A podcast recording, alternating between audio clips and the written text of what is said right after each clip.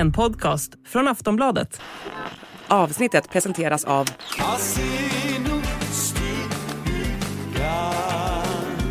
Stödlinjen.se, åldersgräns 18 år.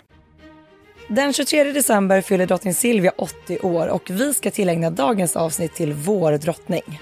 Hur hon räddade den svenska monarkin, alltid vågat prata om kontroversiella ämnen och ställt krav inom det mansdominerade hovet. Det här är Kungligt. Jag heter Sara Eriksson. Och jag heter Jenny Alexandersson.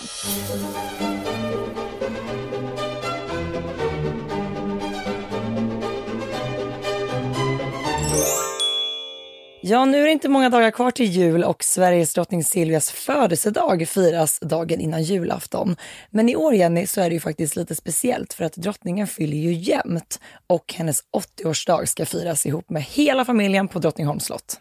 Men vi ska ta det från början och blicka tillbaka på drottningens 80-åriga liv.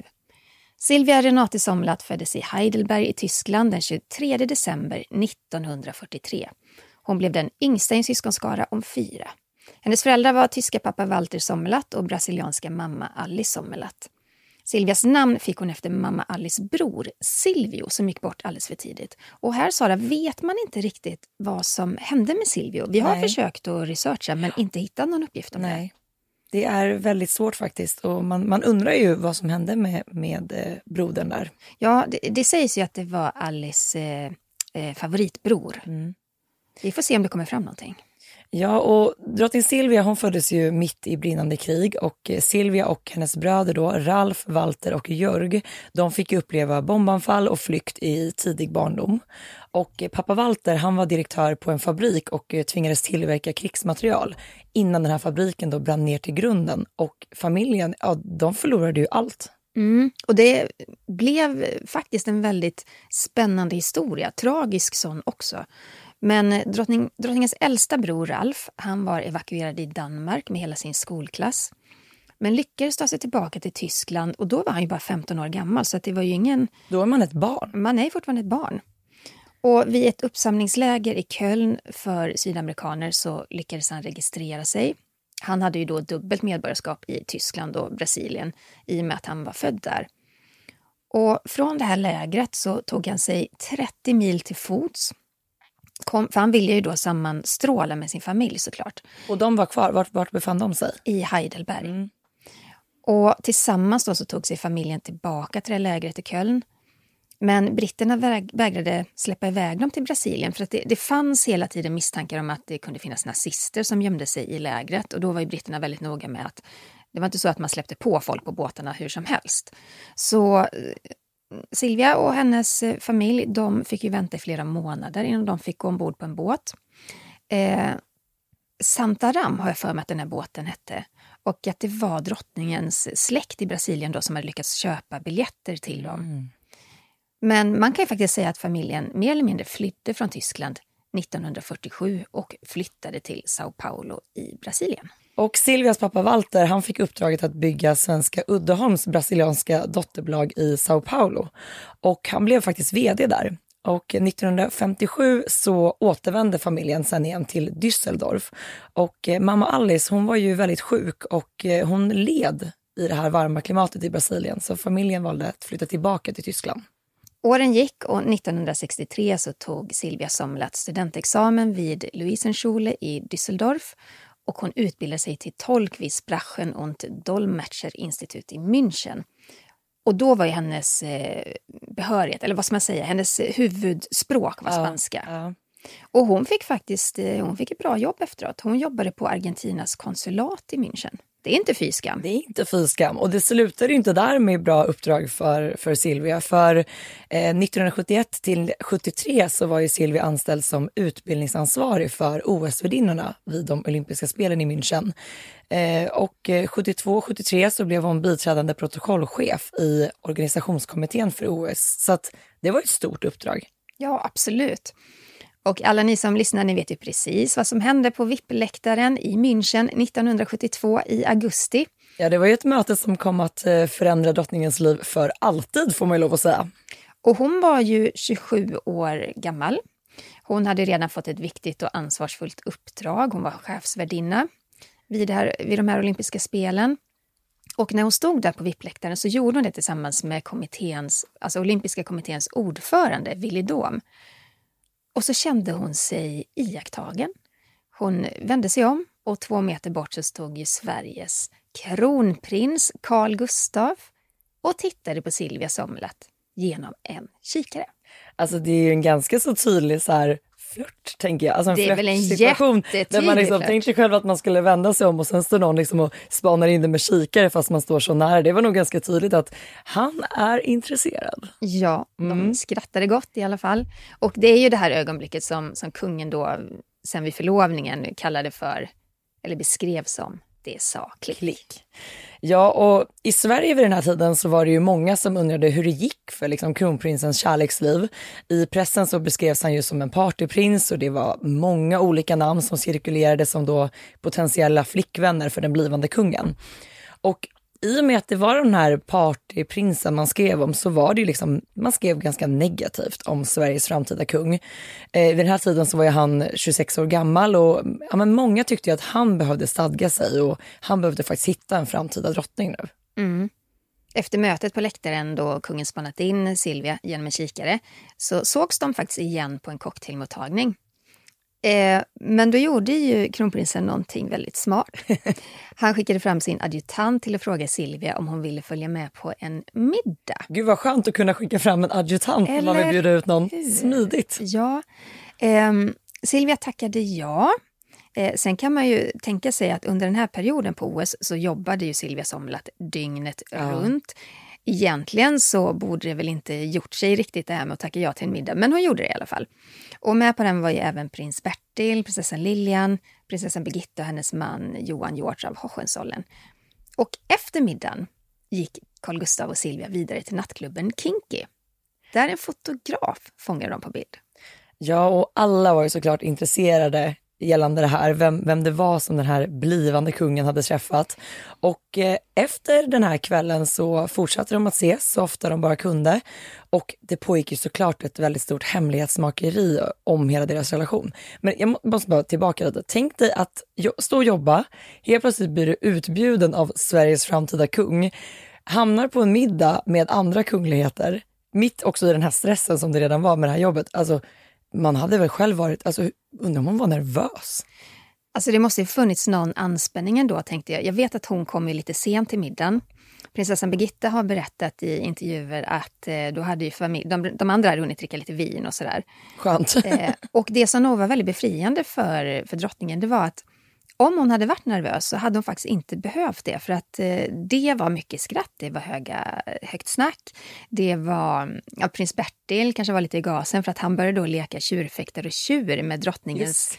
OS-cap. Så jag tror ändå att det måste varit så himla skönt att känna att det var inte stelt konstigt. Inte alls formellt liksom. Nej, Nej. det var en jäkligt kul middag tror jag. Men efter då den här middagen och, och utekvällen så, ja men som sagt ett hemlighetsmakeri pågick och ja men det är så svårt att eh, se det framför sig idag men det här hemlighetsmakeriet var ju enormt och eh, Silvia fick ju faktiskt resa till Sverige ibland med peruk och ibland med dubbelgångare just för att då förvirra fotografer.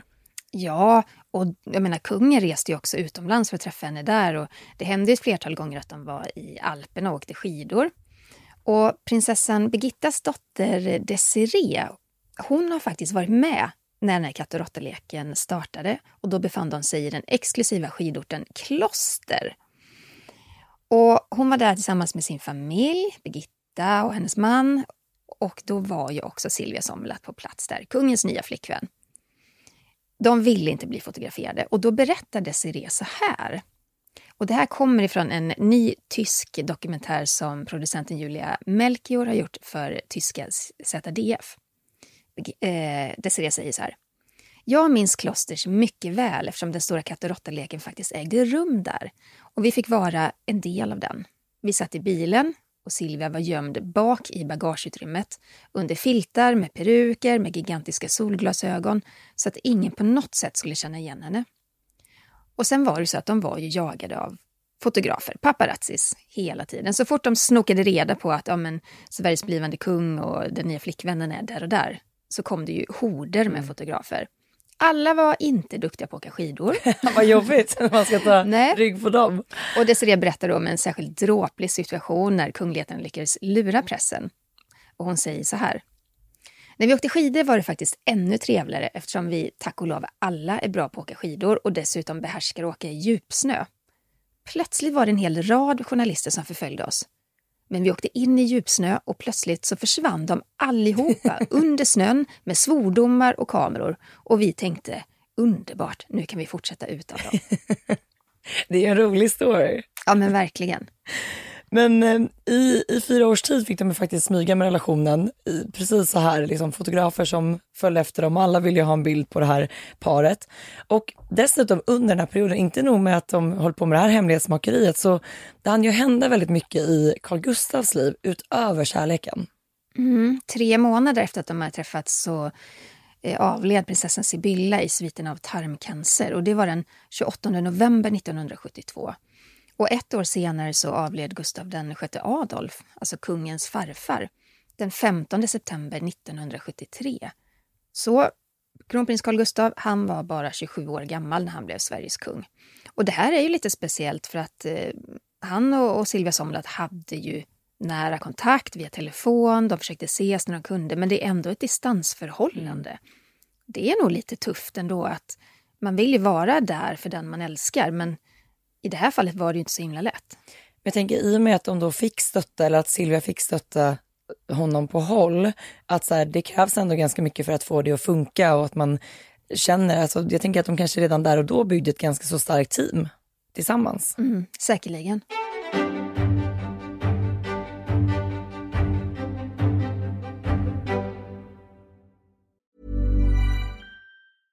Ryan Reynolds here from Mint Mobile. With the price of just about everything going up during inflation, we thought we'd bring our prices down. So to help us, we brought in a reverse auctioneer, which is apparently a thing. Mint Mobile unlimited premium wireless. Ready to get 30, 30, bit to get 30, bit to get 20, 20, 20, bit to get 20, 20, bit to get 15, 15, 15, 15 just 15 bucks a month. So, Give it a try at mintmobile.com slash switch. $45 upfront for three months plus taxes and fees. Promo rate for new customers for limited time. Unlimited more than 40 gigabytes per month. Slows. Full terms at mintmobile.com. Men under sommaren då, det var ju ja, men Carl Gustavs sista sommar som kronprins. Eh, då fastnade paret på bild. För eh, Carl Gustav han tankade sin Porsche vid en bensinmack utanför Borgholm på Öland. Jag tror alla vet vilken bild Ja, jag vill ja, ja. prata om. Det var en blå Porsche 911. Och så satt en väldigt eh, vacker brunett då i passagerarsätet. Eh, ganska snabbt så fattade alla att det är ju hon som Mm. är kungens flickvän. Där har vi Sveriges framtida drottning i pass- passagerarsätet. Men alltså, det måste ju ha varit väldigt tufft för paret att hålla relationen hemlig så länge eh, och särskilt då i kombination med den här tuffa perioden i kungens liv. Eh, drottning Silvia har ju berättat själv att eh, hon och kungen fick väldigt mycket stöd av prins Bertil och prinsessan Lilian för att de hade ju också fått hålla sin kärlek hemlig och ja, men liksom också byggt ett team på distans och bakom stängda dörrar. Eh, och sen så har ju Silvia berättat att eh, drottning Ingrid av Danmark och kungens syster prinsessa Kristina också var ett väldigt viktigt stöd för henne i den här perioden. Mm. Eh, hon kunde ju vända sig till Kristina, Ingrid och Lilian för, för att få det stöd hon behövde. Och eh, även Ingrids dotter, prinsessan Benedikte, de var ju i stort sett jämnåriga. Och kanske var det stödet då i kombination med, ja, men med Silvias personlighet och egen styrka och mod som gjorde då att eh, svenska folket mötte en väldigt harmonisk och samlad blivande drottning på Kungliga slottet den 12 mars 1976. Ja, för då bjöds ju pressen in till Kungliga slottet för att ta del av den här stora nyheten som jag tror att alla hade väntat på. Och vi lyssnar lite på hur det lät. i München på olympiaden 72. Och eh, Silvia, det var en sån här eh, värdinna. Och vi träffades där. Och då så... Ja. Då var det någonting som sa, som man alltid säger, klick. och sen dess har det sagt klick hela tiden. Silvia Sommerlath och kungen de satt tillsammans i den här gröna soffan. Ni vet ju alla vilken jag pratar om. Den här klassiska förlovningssoffan. Eh, ja, det var i den de mötte pressen och meddelade sin förlovning. Och efter förlovningen så flyttade Silvia från Tyskland och flyttade in först då hos prins, prins Bertil och Lilian på Villa Solbacken. Det är ju där som eh, prins Carl Philip och prinsessan Sofia bor idag med sin familj. Innan då Silvia officiellt kunde flytta in på Kungliga slottet och det gjorde hon ju då efter bröllopet. Så, men det gick ju fort här. Jag menar, redan tre månader efter förlovningen, då väntade ju den här stora dagen och eh, kungen skulle säga ja till sin blivande drottning. Mm, den 19 juni 1976 var det dags för bröllop. Och det är ett datum som blivit ett riktigt kungligt kärleksdatum i Sverige. Mm. Kronprins Oscar I gifte sig med Josefina av eh, Leuchtenberg. Det var också 19 juni, men det var 1823. Kronprins Karl XV gifte sig med Lovisa av Nederländerna den 19 juni 1850.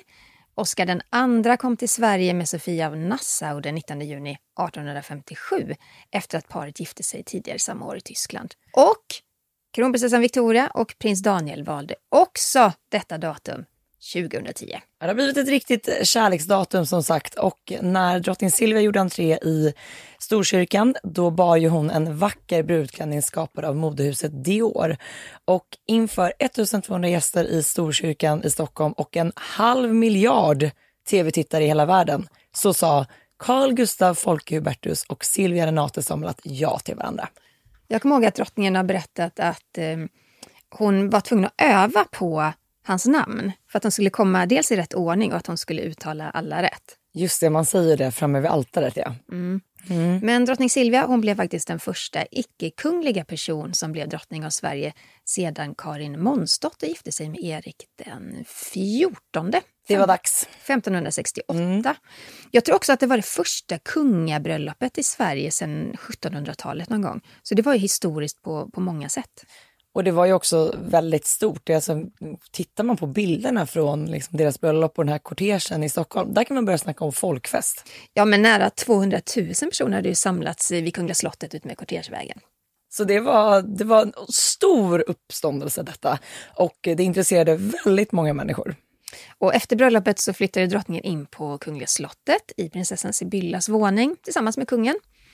Och lite drygt ett år senare, den 14 juli 1977, så föddes parets första barn, Victoria. Och den 13 maj 1979 så föddes Carl Philip. Och han föddes ju faktiskt som kronprins. Jajamän. Men ett år senare blev han av med den titeln. Det blev, nya... lite, det blev ju lite sura miner från kungen för det här i intervjun. Var det ett år sedan den släpptes? Ja. Han tyckte det var konstigt att man gjorde det retroaktivt. Just ja. Det gillade inte han. Det gillade han inte. Men 1981 så valde familjen att flytta ut till Drottningholms slott och det var faktiskt där som prinsessan Madeleine föddes 10 juni 1982 i ett rum som hade iordningställts som ett förlossningsrum. Det är inte många som har de möjligheterna hemma. Nej, men jag tänker också, idag är det ju väldigt aktuellt. Du vet, det är så mycket prat om hemförlossningar mm. och så mm. vidare. Eh, jag tror att drottningens hemförlossning, det var ju en helt annan kaliber än det som diskuteras eh, Absolut. i medierna idag. Men det här bröllopet och eh, drottning Silvias liv som drottning förändrade ju inte bara hennes liv och hennes situation utan faktiskt även svenskarnas syn på monarkin.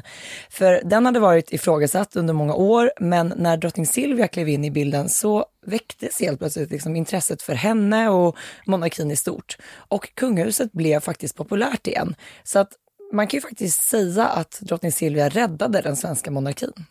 Ja, det var, har varit mycket prat om det därför att det, eh, det blev så otroligt populärt. Veckotidningen hade ju hennes ansikte på sina första sidor i åratal, om ett par tre år efter förlovningen.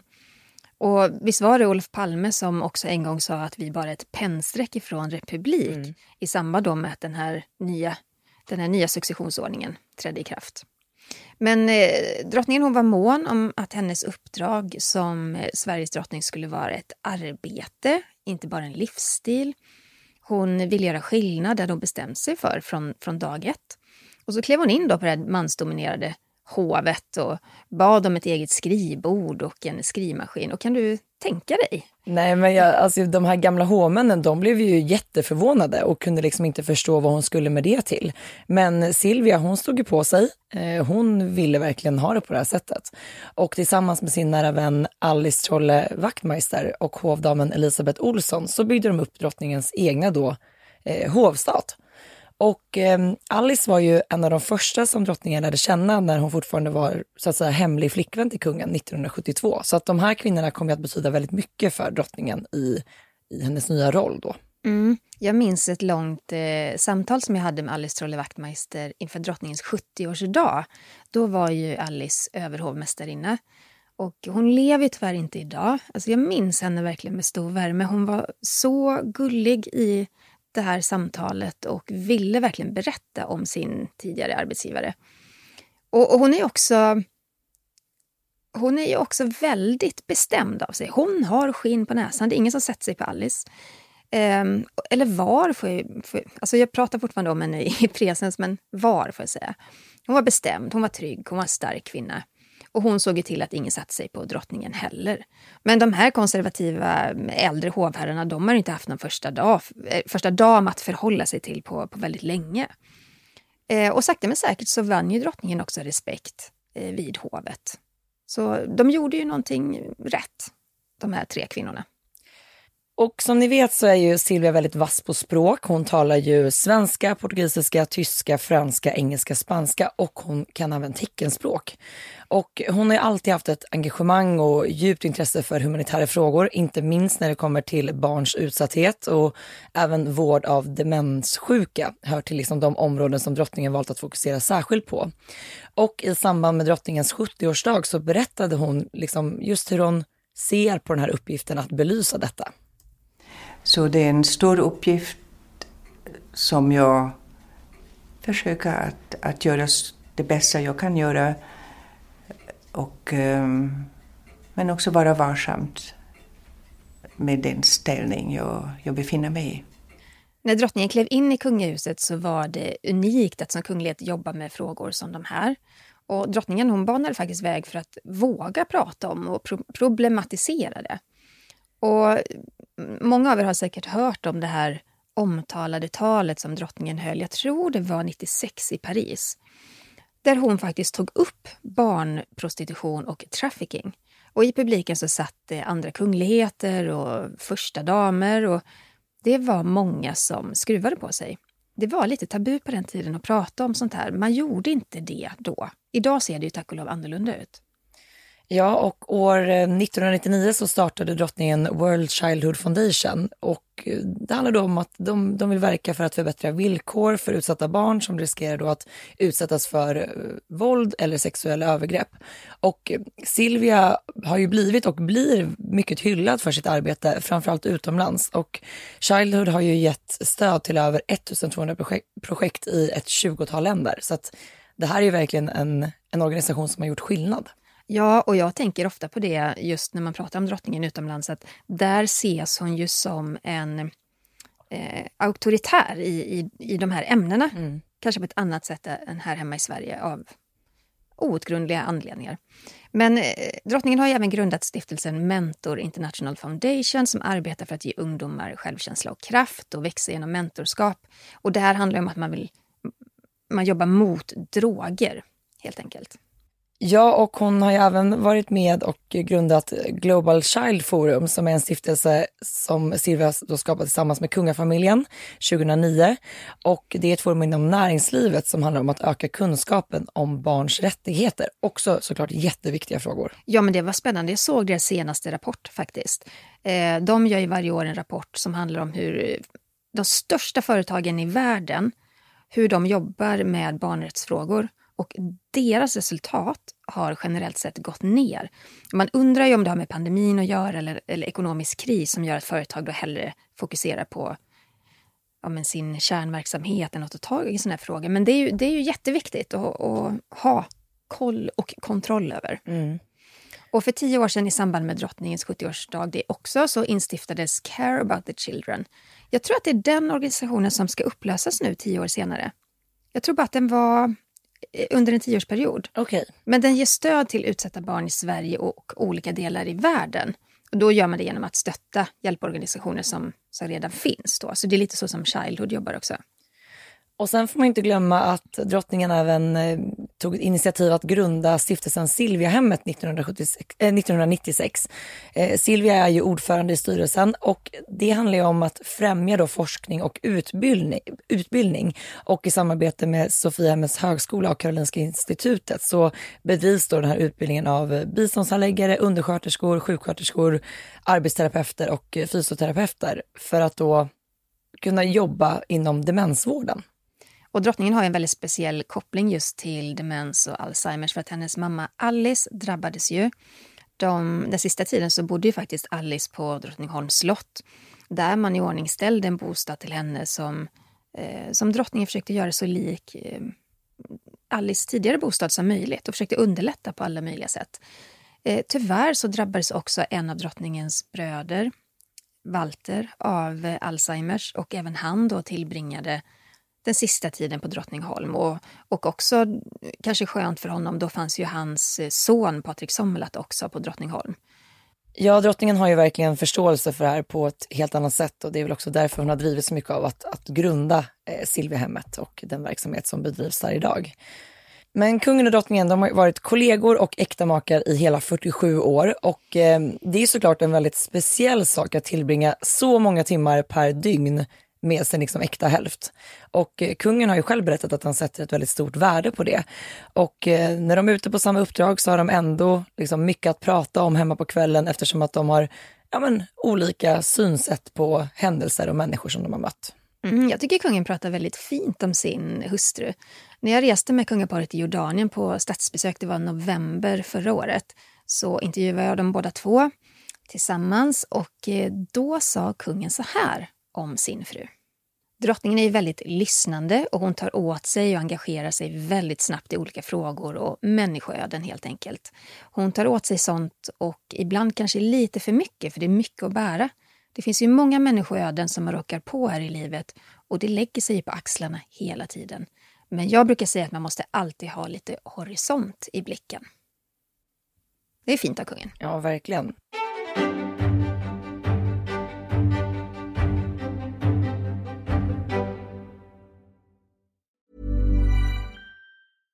This message comes from BOF sponsor eBay. You'll know real when you get it. It'll say eBay Authenticity Guarantee. And you'll feel it. Maybe it's a head turning handbag, a watch that says it all, jewelry that makes you look like the gem, or sneakers and streetwear so fresh every step feels fly. eBay gets it. So look for the blue check mark next to that thing you love and be confident that every inch, stitch, sole, and logo is checked by experts. With eBay Authenticity Guarantee, you can trust that feeling of real is always in reach. Ensure your next purchase is the real deal. Visit eBay.com for terms. Man fattar ju att drottningen jobbar väldigt mycket. Är hon någonsin ledig? Ja, det är frågan. Jag menar, nu fyller drottningen 80 år och fortfarande har ett så jättehögt tempo. Men hon fick faktiskt den här frågan gällande om hon någonsin är ledig i samband med sin 70-årsdag och då svarade hon så här, vi lyssnar. Ja, det, det, visst, jag försöker ju att göra det. Det händer inte tillräckligt ofta, tyvärr. Vi, vi har så mycket eh, program. Men eh, jag ska försöka att chilla mera med mina polare. Drottningen hon är väldigt eh, trädgårdsintresserad. Både hon och kungen de är ju och påtar i trädgården, framförallt på Soliden. Där kör ju även kungen grävskoparna för möjlighet. Ja, just det. Men hon gillar ju också natur och friluftsliv. Det gör ju hela familjen. Åker gärna skidor. Ja, och sen älskar hon ju också att spendera sin lediga tid med sina barn och barnbarn. Jag menar, hur många intervjuer har inte Silva gjort där hon faktiskt kallar sina barnbarn för livets efterrätt? Och häromdagen fick vi ju se att hon hade samlat alla barnbarn på Drottningholm, nej, på Kungliga slottet var det, yes. när hon skulle ta emot årets julgranar. Och det var så kul att se. Den yngsta är väl Julian, va? Yes. Han, han är två. Och äldst är Estelle som är elva. Så det är, det är liksom skön spridning på alla åldrar i den här barnaskaran. Det var så gulligt också för jag tänker som prinsessan Madeleines barn, de är inte i Sverige jätteofta. Jag menar man förstår ju kanske ifall att kronprinsessans barn och prins Carl Philips barn har en närmare relation i och med att de bor i, i samma stad. Men man såg ju många klipp och bilder på att eh, prinsessan Leonor gick och höll lilla Julian i handen hela tiden. Jag tyckte det var väldigt sött. Mm, ja men verkligen. Men sen är hon ju, drottningen är också väldigt eh, mycket intresserad av kultur. Hon går gärna på teater, opera, konserter. Ja, men samtidigt som Silvia varit eh, en aktiv och väldigt arbetande drottning så har hon ju också axlat rollen som mamma till tre barn. Och eh, kungen och drottningen har ju berättat att det var väldigt smärtsamt liksom, att tvinga, tvingas vara ifrån sina små barn under till exempel när de var på statsbesök eller gjorde andra resor. Men kungaparet prioriterade alltid att gå på barnens skolavslutningar i alla fall. Och eh, de har också berättat hur mycket det betytt för familjen att få samlas och spendera mycket tid ihop på Soliden varje sommar. För det är faktiskt där som de har sin lediga tid tillsammans. Ja, men i en tysk intervju, eh, det var också på ZDF, här om dagen så, så berättade drottningen att hon gärna hämtar barnbarnen i skolan eller faktiskt ibland på morgnarna skjutsar dem till skolan. Och det är klart att det väcker väldigt uppmärksamhet att här kommer Sveriges drottning och ska hämta sina kids, sina ja. barnbarn. Mm. Men det är ändå gulligt att hon tar sig tiden för det är ju späckade scheman för dem allihop ju. Ja, och jag tänker det att drottningen har ju såklart kanske fått ta och dra ett större lass kring barnen. Jag vet den här dokumentären som släpptes med kungen i början på det här året, då sa han ju faktiskt rakt upp och ner att när han tyckte det blev jobbigt hemma, ja men då stack han ut och sprang. Mm. Så att det känns som att Silvia fått dragit det lite tyngre lasset hemma. Ja, det var Karin och Klintbergs ja, det var den det var, ja. Eh, serie. Ja, men det, jag tycker det var ganska anmärkningsvärt. Samtidigt är ju då kungen en ja, barn av sin tid. Eh, och dessutom då uppvuxen på ett visst sätt. Eh, har ju alltid haft hjälp i familjen och sådär. Så för honom var det helt naturligt att dra när barnen började gnälla efter skolan och var hungriga. Då drog han ut och sprang. Men eh, så ja, drottningen fick ju såklart, hon hade ett annat slags ansvar. Mm. Men, men sen också, det, ju, det har ju varit toppar och dalar i, i drottningens och kungens liv tillsammans. Alltifrån den här boken Den motvillige monarken och vad som hände efter det hennes pappa, det var Kalla fakta som gjorde en eh, dokumentär om eh, drottningens pappa och hans kopplingar till nazistpartiet. Och jag menar, det vet jag tog henne jättehårt. Och det påverkade hela familjen. Hon startade en egen utredning kring det också. Och det är klart att såna här, ja, såna här dalar som kommer i livet, hon har ju alltid hanterat det exceptionellt. Hon har ju aldrig ställt in någonting, hon har aldrig sett sur ut, har aldrig gnällt, hon har, aldrig, hon har stått där leende och genomfört sina uppdrag och stått vid sin mans sida. Det, hon har ju någonting i sig som gör att hon på något sätt förstår vikten av att never complain, never explain. Mm. Som brittiska hovet använder sig av. Hon har kört lite på samma linje där. Mm. Men hur firar då drottningen sin födelsedag den 23 december? Eh, vanligtvis så firas den med en överraskningsmiddag i ett nytt rum på Drottningholms slott varje år. Där blir då själva middagen och den här nya platsen i sig en av drottningens årliga presenter. Och det finns gott om rum att välja på. Det finns det. Mm. Eh, och i år så är ju faktiskt hela familjen samlad.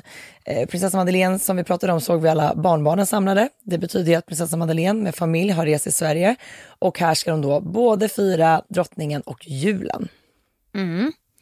Och drottningens födelsedag har ju faktiskt uppmärksammats under november och december. Det har varit konserter, det har varit eh, tillfällen att uppvakta henne. Och idag när vi spelar in den 20 december samt imorgon så kommer drottningen att uppvaktas av myndigheter, akademier, organisationer med flera.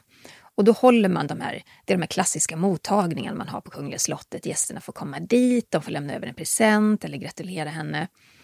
Men det kommer inte bli något firande för allmänheten på det viset. Såklart så kan man ju gratulera drottningen digitalt via kungahusets hemsida. Det är många som brukar göra det.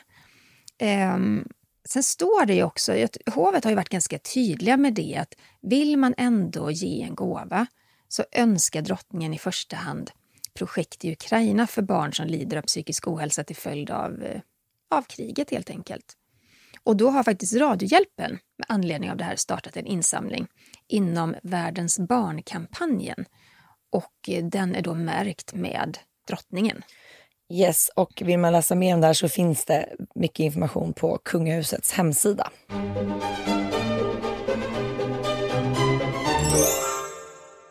Ja, men hur ser vi på drottningen, Sara? Hur skulle du vilja sammanfatta henne eller beskriva henne? Men jag tycker att, att drottning Silvia har gjort det svenska kungahuset mer mänskligt. Och jag tror att det var mycket det man behövde den här perioden när hon klev in och blev en del av det. Att det, var, det var just det här varma mänskliga som behövdes för att monarkin skulle bli mer relevant och mer ja, men, uppskattad än ifrågasatt.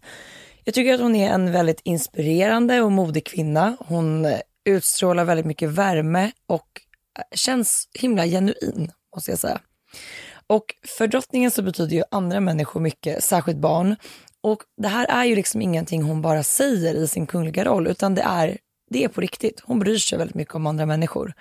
Och jag tycker att hennes arbete för de utsatta i världen och i samhället är otroligt. Och jag tycker att hon faktiskt borde ha blivit mer hyllad för det än vad hon har blivit här i Sverige. Och jag tycker det är väldigt inspirerande. Mm. Jag håller med helt och hållet. Ehm, jag tycker också något som är tydligt när man då träffar henne öga mot öga, det är att hon ser en ju på ett väldigt speciellt sätt.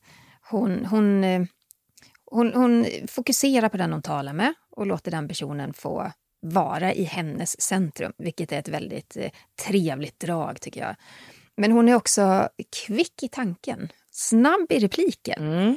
Och eh, hon kan skämta till det. Hon gör det aldrig på ett sårande sätt. Men det händer så många gånger att eh, ja, fotografer eller vi i pressen inte kan hålla oss för skratt för att hon, eh, ja men lite så här varmt och flörtigt ibland liksom, mm, mm. skojar till det. Men väldigt ödmjukt. Och eh, hon är en varm person. Jag, jag kommer ihåg, eller det, Alice Trolle Wachtmeister sa det en gång, men det är fler som har sagt det. Kungen har sagt det.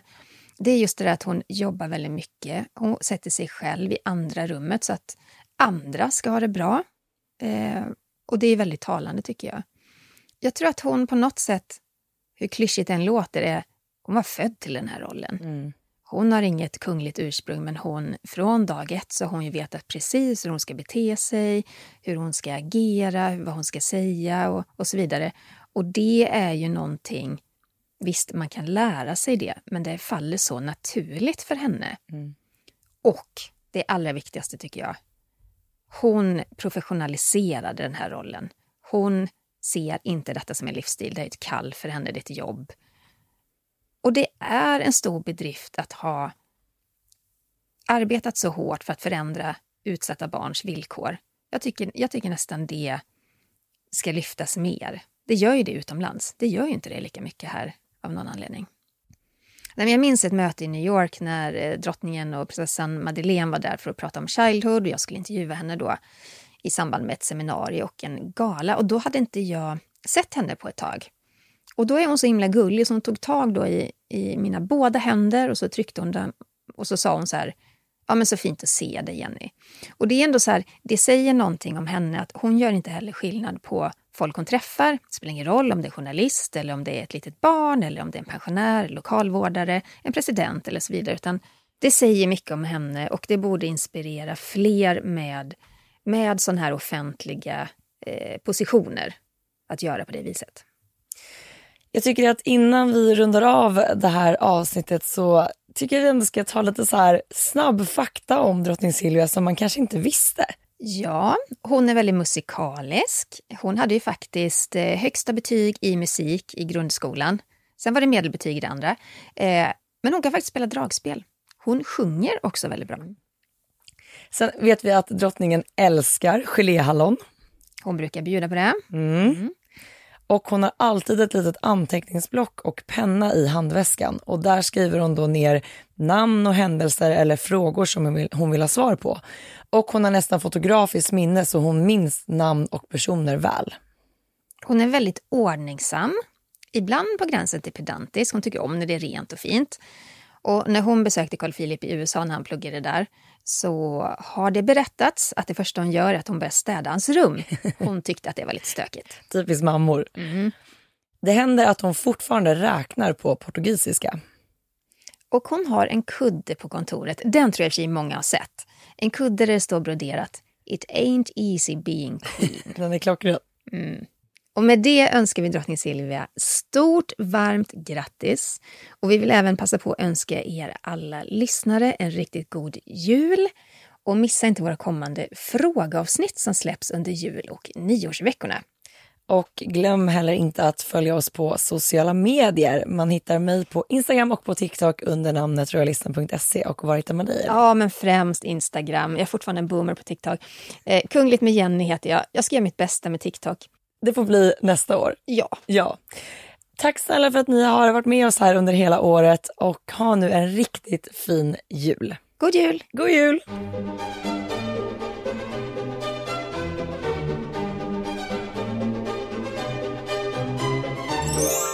Du har lyssnat på en podcast från Aftonbladet. Ansvarig utgivare är Lena K Samuelsson. This message comes from BOF sponsor eBay. You'll know real when you get it. It'll say eBay Authenticity Guarantee. And you'll feel it. Maybe it's a head turning handbag, a watch that says it all, jewelry that makes you look like the gem, or sneakers and streetwear so fresh every step feels fly. eBay gets it. So look for the blue check mark next to that thing you love and be confident that every inch, stitch, sole, and logo is checked by experts. With eBay Authenticity Guarantee, you can trust that feeling of real is always in reach. Ensure your next purchase is the real deal. Visit eBay.com for terms.